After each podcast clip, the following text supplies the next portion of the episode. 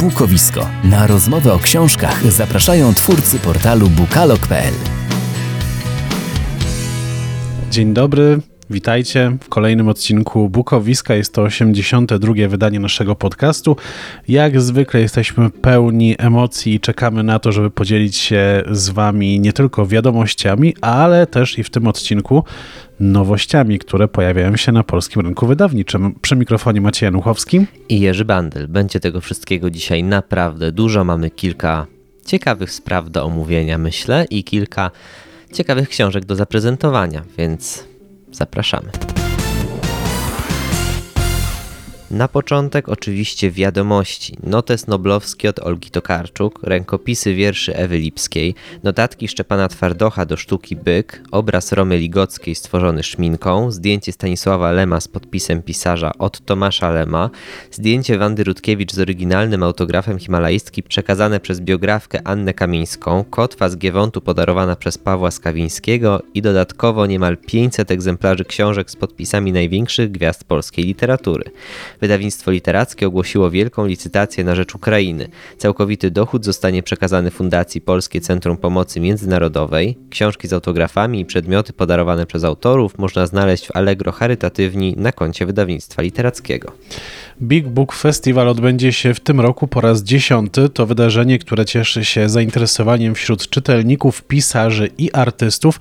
Jest jednym z ważniejszych festiwali książek w Europie. Od 2013 roku odbywa się w Warszawie, choć w tym roku w innej lokalizacji. Blisko 50 wydarzeń zostanie zorganizowanych na warszawskiej Pradze w dawnym kompleksie fabryk na Szmulkach przy ulicy Otwockiej 14.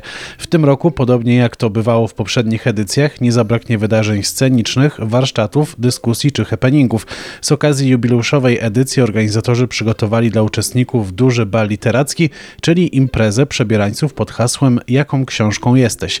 Wstęp na wydarzenie będzie bezpłatny, a przebranie obowiązkowe. Program 10 Big Book Festiwalu ma zostać ogłoszony w maju. Wydarzenie będzie odbywało się od 24 do 26 czerwca pod hasłem Do widzenia do jutra. Od 24 lutego do 31 marca w top 10 sprzedaży Empiku znalazły się aż cztery tytuły związane z obecną sytuacją w Ukrainie. Aktualnie jednym z największych bestsellerów w Empiku jest biografia Wowa Wołodia Władimir Tajemnice Rosji Putina Krystyny Kurcza-Predlich, która swoją premierę miała w 2016 roku. Pisarka jest prawdopodobnie najbardziej rozpoznawalną polską autorką książek o Rosji, jednak dotychczas nie osiągały one tak wysokich pozycji na liście sprzedaży. Czytelnicy zainteresowani historią i geopolityką od lat sięgają również po twórczość Piotra Zychowicza. Jego ostatnia książka Nadchodzi trzecia wojna światowa, napisana wspólnie z Jackiem Bartosiakiem, po wybuchu wojny przykuła uwagę jeszcze większej liczby odbiorców. Dużym zainteresowaniem wśród klientów Empiku cieszy się również nowość od Katrin Belton, Ludzie Putina, jak KGB odzyskało Rosję i zwróciło się przeciwko Zachodowi. Wśród innych książek, po które sięgają osoby poszukujące pogłębionych informacji o Rosji i Ukrainie, wymienić można także Krwawe pozdrowienia z Rosji, jak Władimir Putin eliminuje swoich przeciwników Heidi Blake, czy zbiór esejów Planeta Piołun Oksany Zabuszko. Blisko 400 wystawców zaprezentuje się podczas warszawskich targów książki. Na stronie targów ogłoszono już listę firm, które zapowiedziały swój udział. Lista nie jest jeszcze zamknięta i jak zaznacza organizator książkowego święta, będzie jeszcze aktualizowana. Nie mogło na niej zabraknąć największych i najbardziej znanych polskich wydawnictw, ale i firm, które oferują towary związane z rynkiem książki. Warszawskie targi książki odbędą się w tym roku pomiędzy 26 a 29 maja na placu Defilat i w Pałacu Kultury i Nauki.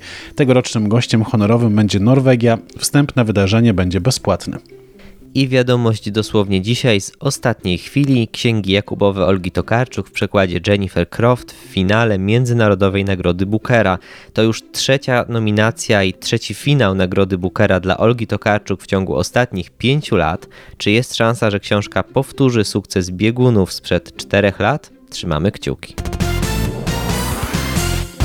Pierwszy odcinek podcastu w kwietniu oznacza oczywiście, że przygotowaliśmy dla Was zapowiedzi. Jako pierwszą w tym miesiącu proponuję książkę Wizyta Katariny Wolkmer.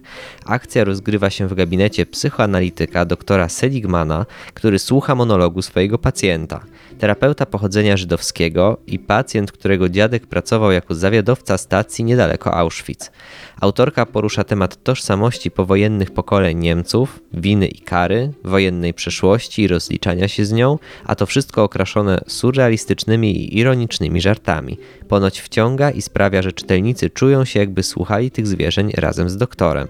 Nie sposób nie skojarzyć tej formy chociażby z kompleksem Portnoja Filipa Rota, ale czy wizyta stanie się podobnym klasykiem? Ja z ciekawością ją sprawdzę. Premiera w wydawnictwie Pauza. Bieszczady dla tych, którzy chcą je poznać. Naprawdę to propozycja od Adriana Markowskiego i wydawnictwa Pruszyńskiej Spółka. Jest to opowieść, a jednocześnie wędrówka po Bieszczadach, niby poradnik, ale z wartością dodaną. Adrian Markowski, który sam od długich lat wydeptuje bieszczadzkie szlaki, prowadzi nas przez drogi i bezdroża, przeszłość i teraźniejszość Bieszczad, a także zaprasza, by każdy z nas szedł własną ścieżką i na swój sposób. Książka będzie miała swoją premierę 12 kwietnia. 13 kwietnia z kolei w wydawnictwie poznańskim ma premierę powieść Hardland Benedicta Wellsa. Wydawnictwo zamieściło jedynie krótki i lakoniczny opis, ale wystarczy on, by spodziewać się ciekawej książki o dorastaniu i poszukiwaniu siebie. Akcja dzieje się w 1985 roku w Missouri. Podczas wakacji 15-letni Sam podejmuje pracę w starym kinie, aby uciec od problemów w domu. W ciągu tego magicznego lata jego życie zmienia się diametralnie. Znajduje przyjaciół, zakochuje się i odkrywa tajemnice tajemnice swojego rodzinnego miasta. Po raz pierwszy czuje, że znalazł swoje miejsce na ziemi, aż wydarza się coś, co zmusza go do szybkiego wejścia w dorosłość. Co to jest, będziecie musieli sami się o tym przekonać.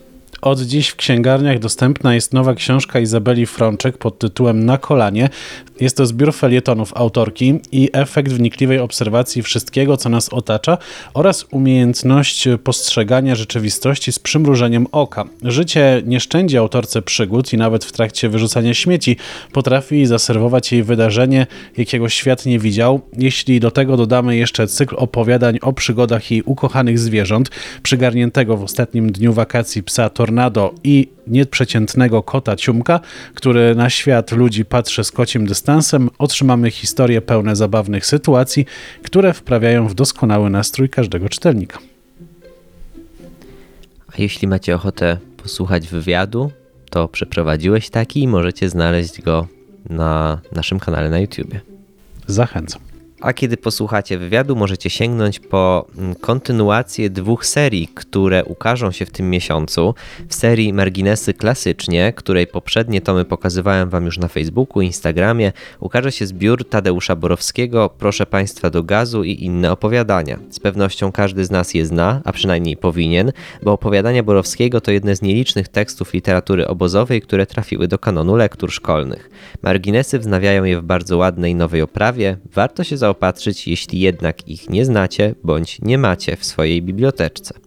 Wydawnictwo poznańskie z kolei wydaje następny tom serii Zrozum, tym razem to trzecia już książka Jennifer Wright i że ci nie odpuszczę, opowiadająca o najbardziej morderczych kobietach na świecie krwawe narkotykowe baronki, pilotki myśliwców, morderczynie, mściwe królowe. Znając poprzednie książki autorki, zapewne i ta będzie bardzo ciekawa. Nakładem wydawnictwa Filia ukaże się najnowsza książka Jarosława Molendy pod tytułem Sadystka z Auschwitz. Jest to przerażająca historia Marii Mandl, której kariera od wiejskiej dziewczyny po menadżerkę śmierci pokazuje, że okrucieństwo nie ma płci, a niewyobrażalne zło może mieć łagodną twarz.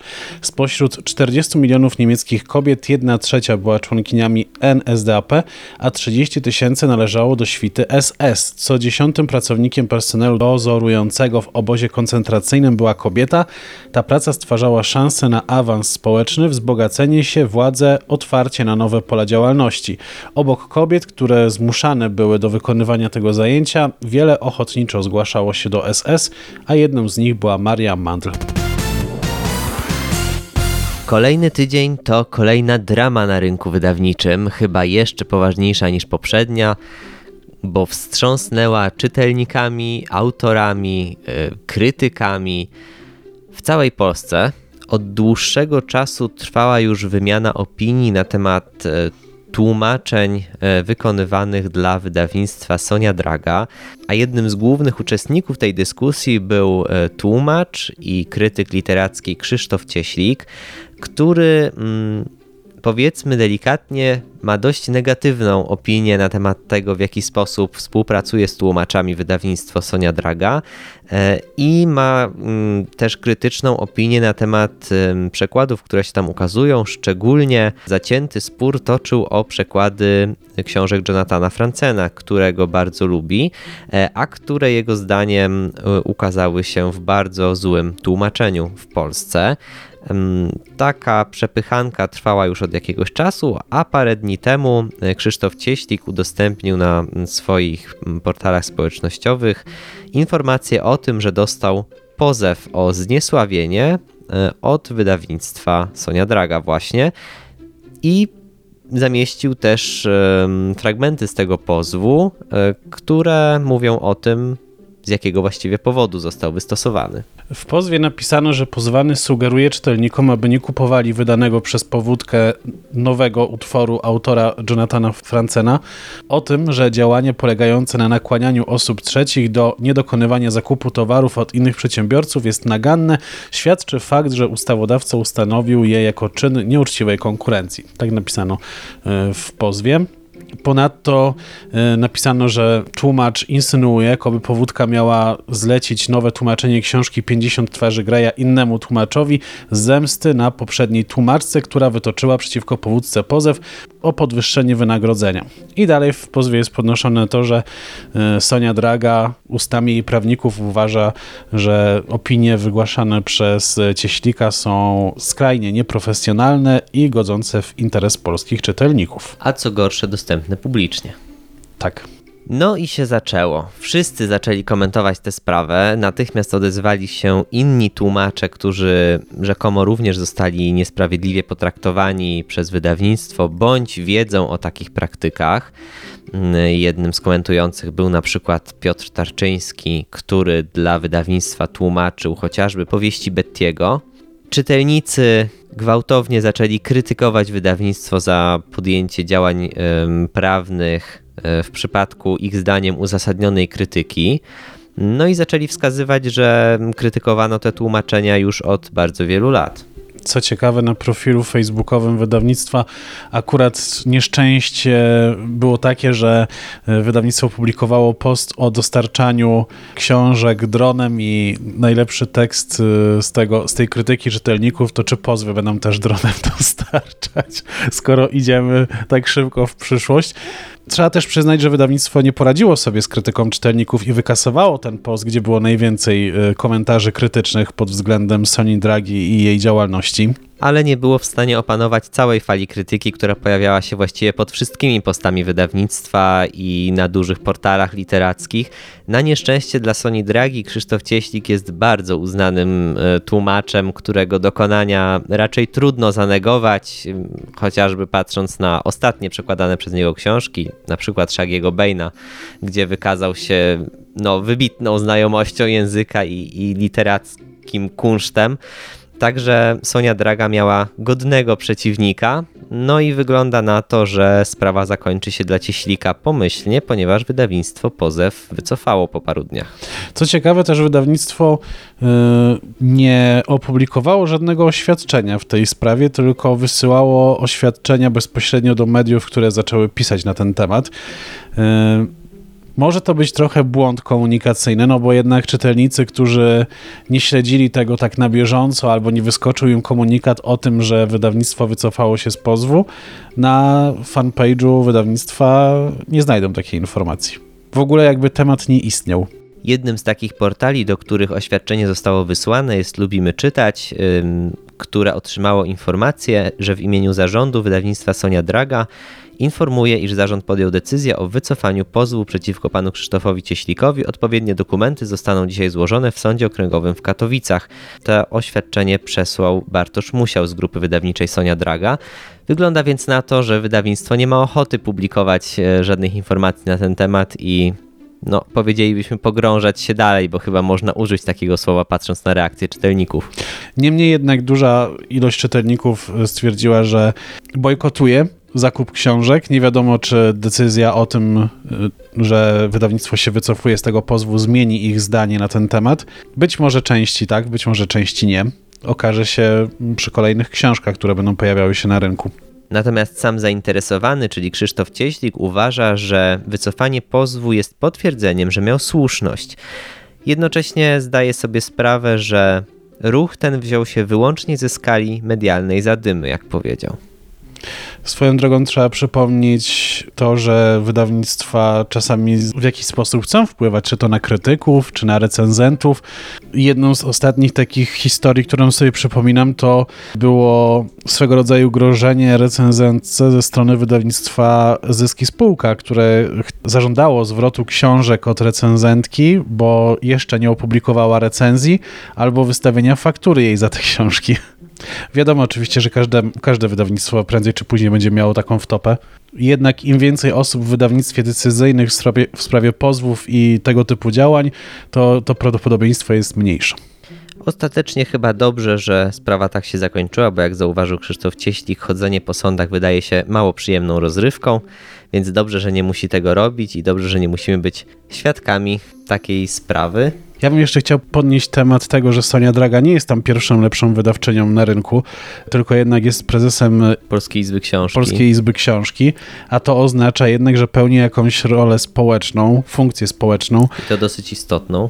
Więc warto byłoby na przyszłość się zastanowić nad swoimi krokami, no bo to trochę pokazało, że według Sony Dragi i jej wydawnictwa prawo do krytyki nie istnieje w Polsce a jednocześnie trochę dziwi taka decyzja ze strony osoby, która powinna i dotąd myśleliśmy, że jest świetnie obeznana, no właśnie w tym, czym jest krytyka literacka i, jak przebiega proces recenzji i krytyki i jakie kroki prawne w jakiej sytuacji można podjąć, e, a wycofanie tego pozwu wskazuje na to, że no, wydawnictwo raczej uznało, że przegrałoby ten proces i na ile nie jesteśmy prawnikami, na tyle no, można powiedzieć, że rzeczywiście prawdopodobnie tak by było, a przynajmniej na to wskazywałby zdrowy rozsądek, więc skąd taka decyzja, dość pochopna, wydaje się bez sensu. W przypadku przegranego procesu wiadomo jest, że straty, przynajmniej te wizerunkowe, byłyby zdecydowanie większe niż w momencie teraz, kiedy się wycofali. Oczywiście czekamy na Wasze opinie na ten temat. Śledziliście tę sprawę, czy nie? Mm, jak myślicie, czy decyzja była słuszna? Możecie dać znać. A my przechodzimy już do ostatniej części podcastu, czyli do recenzji. I ja w swojej dzisiejszej e, chcę Wam polecić, choć myślę, że pewnie nie muszę tego robić, dzisiejszą premierę od wydawnictwa Pruszyńskiej Spółka. Kilka tygodni temu opowiadaliśmy o serii dzieł Johna Steinbecka, która będzie ukazywać się w tym i w kolejnym roku. Po Gronach Gniewu mamy już możliwość sięgnięcia po kolejną powieść noblisty, czyli Na wschód od Edenu. Ta powieść uznawana jest za najwybitniejsze jego dzieło. Jeśli chodzi o fabułę, opowiada o rodzinie Trasków, która na przełomie XIX i XX wieku osiedliła się w Dolinie Salinex. Adam Trask wychowuje samotnie dwóch synów, Arona i Kaleba. Z pewnością już na tym etapie możecie dostrzec nawiązania do biblijnej opowieści o Kainie i Ablu. Bohaterowie powieści również różnią się od siebie wyraźnie. Aaron jest spokojny i posłuszny, Kaleb cały czas się buntuje, ale obaj rywalizują o uznanie ojca. Gdy Kaleb wbrew woli rodziny odnajduje matkę w domu publicznym, odkrywa, że jest ona całkowitym przeciwieństwem ojca. Jego działania doprowadzą do tragedii. Powieść powszechnie uważa się za wybitną na wielu poziomach, fabularnie opowiada o rodzinie amerykańskich rancherów, ale pod tą fabułą leży jednak uniwersalna reinterpretacja biblijnej opowieści. Wątki, które porusza, czyli rodzinny dramat, trudy dojrzewania, rywalizacja o miłość rodziców i tajemnice skryte w historii rodziny, znamy oczywiście z literatury, ale Steinbeck pisze o nich tak przejmująco, że tekst wcale się nie zestarzał. Choć to kawał, bo niemal 900 stron powieści, bardzo Wam ją polecam i na pewno będę wracać z informacjami o książkach w serii. Moja recenzja dzisiaj była krótka i konkretna, bo też e, co dużo można mówić o takim klasyku. Wiadomo, że warto go czytać, więc oddaję Tobie głos i co Ty dzisiaj przygotowałeś ja i wydawnictwo Pruszyński Spółka, mógłbym tak powiedzieć, że przygotowaliśmy książkę Gujcio Stevena Rowleya. Jest to rozpalająca serce opowieść o trudnych chwilach, w których rodzina okazuje się lekiem na największe smutki. E, zatem zajrzyjmy do fabuły. Patrick, dawna gwiazda telenoweli i wyautowany gej, żyje spokojnym życiem samotnika, kiedy jego brat po śmierci żony w desperacji powierza mu swoje dzieci, cały świat staje do góry nogami. Chociaż Patrick zgadza się przyjąć bratanków pod swój dach, to najchętniej widziałby ich u siebie tylko w święta i w weekendy. Opieka nad dziećmi to zawsze wyzwanie dla kogoś, kto idei posiadania potomstwa nie chciał nigdy nawet dotknąć kijem. Rodzeństwo szybko rozprawia się z wygodnym życiem Patricka, z czasem jednak podopieczni stają się dla mężczyzny jasnym punktem, który pozwala mu zmienić dotychczasowe wyobrażenie o świecie i o samym sobie. Czy mimo wielu przeszkód uda im się zbudować więź w tym trudnym dla nich wszystkich czasie? Wielu zadaje sobie to pytanie już na początku lektury, zresztą główny bohater również, przynajmniej na początku powieści, nie wyobraża sobie tej więzi. Trzeba przyznać, że autor całkiem nieźle to wszystko sobie wymyślił. Osoba, która z pozoru nie potrafiła być odpowiedzialna, podchodziła do życia lekko, bez zobowiązań i była lekko duchem, ma zająć się małymi dziećmi. A to oznacza, że powinna być przeciwnością tego, o czym przed chwilą wspomniałem. Okazuje się jednak, że można te cechy znaleźć w sobie, bo są gdzieś głęboko zakopane. Patrick stara się zapewnić swoim bratankom jak najlepszą opiekę. Na początku nie wkłada w to zbyt wiele siły, trochę jakby za karę pokazuje im swój świat. Wprowadza dzieci do swojej codzienności i uczy się ich charakterów, zachowań czy potrzeb. Pozornie mogłoby się wydawać, że powierzenie dzieci lekko duchowi może być niezbyt dobrą decyzją. Niektórzy starają się to zmienić, pomimo woli rodzica, jednak takie zachowania pokazują braki i problemy tych osób. Z każdym kolejnym dniem trudniej jest zerwać więź, która tworzy się pomiędzy dziećmi a Patrickiem. Dzięki zmianom, jakie następują w życiu głównego bohatera, zaczyna on dostrzegać to, co chciał ukryć, za czym tęskni, czy czego mu brakuje. Wraz ze śmiercią swojej najlepszej przyjaciółki traci część siebie, ale i wraca wspomnieniami do czasów, kiedy świat należał do nich, a przynajmniej tak myśleli. Patrick musi nie tylko zmierzyć się z żałobą dzieci, które straciły matkę, ale również ze swoją stratą. Gujcio to nie tylko smutna powieść, zawiera elementy humorystyczne, które rozładowują napięcie. Są to delikatne aspekty, które wywołują bardziej uśmiech na naszej twarzy niż salwy śmiechu. Być może część czytelników będzie miała problem z odnalezieniem się w tej lekturze. Realia, w których zostali osadzeni bohaterowie, są bardzo amerykańskie. Nawet można powiedzieć, że wręcz stereotypowe. Przez to powieść może być nierealna. Gujcio zachwyci Was nieraz. To moim zdaniem ciepła opowieść o szacunku, radzeniu sobie z żałobą przez ludzi w różnym wieku, tolerancji, pracy nad sobą, pozbywania się uprzedzeń z nutą humoru. Myślę o tym, o czym powiedziałeś przed chwilą, że książka może wydawać się nierealna polskim czytelnikom i rzeczywiście jak ją opisujesz, to wydaje mi się, że opiera się mocno na takich amerykańskich stereotypach. No nie każdy ma dom z basenem, ciągle jest gorąco, raczej nie chodzi się do pracy, tylko czerpie z tego, co już się zarobiło na kanwie swojej popularności. No i też chyba rzadko bywa, że w jednej chwili dzieci tracą matkę, która umiera, a ojciec y, wybiera się na odwyk. Trochę już zdradziłem fabułę więcej. Tak, ale chodzi też o te sprawy społeczne, że bohater jest wyautowanym gejem, który ma się zaopiekować dziećmi i wydaje mi się, że jakoś, mimo że w Polsce podejście do tych spraw też zmienia się na plus, no to jednak od tego modelu jesteśmy jeszcze dosyć daleko. Jakie to ma znaczenie y, dla fabuły, że on jest właśnie wyautowanym gejem i zajmuje się dziećmi?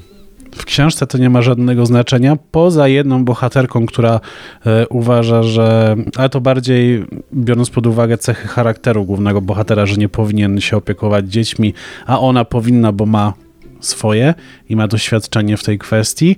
Pozostałe kwestie związane z tym, co myślą czytelnicy, no to to może być jedynie problem że się nie zgadzają z tym.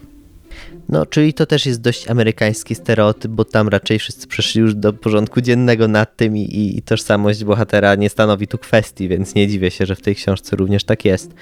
Mm, no, tak czy inaczej, myślę, że fajnie, że ukazuje się w Polsce i myślę, że dla niektórych czytelników jednak mimo wszystko może być dobrą rozrywką. Mogę jeszcze zdradzić, że tam są gendery. Jest poliamoria, występuje w tej książce. Nie jest to duży, duża część, ale jest zaznaczona. To taki smaczek dla tych, których bardziej by to zainteresowało. Ewentualnie dla tych, których bardziej by zniechęciło. Myślę, że nikogo nie zniechęci, bo o miłości każdy chce czytać. Jesteś bardzo optymistycznie nastawiony. I tym optymistycznym akcentem kończymy dzisiejsze wydanie podcastu. Nawet trochę dłużej dzisiaj nam to zajęło, prawie pół godziny. No bo dzieje się po prostu i jest o czym mówić. Także mamy nadzieję, że przyszły tydzień również dostarczy ciekawych wiadomości i nowych książek, o których opowiemy Wam w czwartkowy wieczór. Zatem do usłyszenia. Maciej Januchowski. I Jerzy Bandel. Cześć. Podcast Bukowisko znajdziesz na YouTubie, Spotify, Google Podcast i Apple Podcast.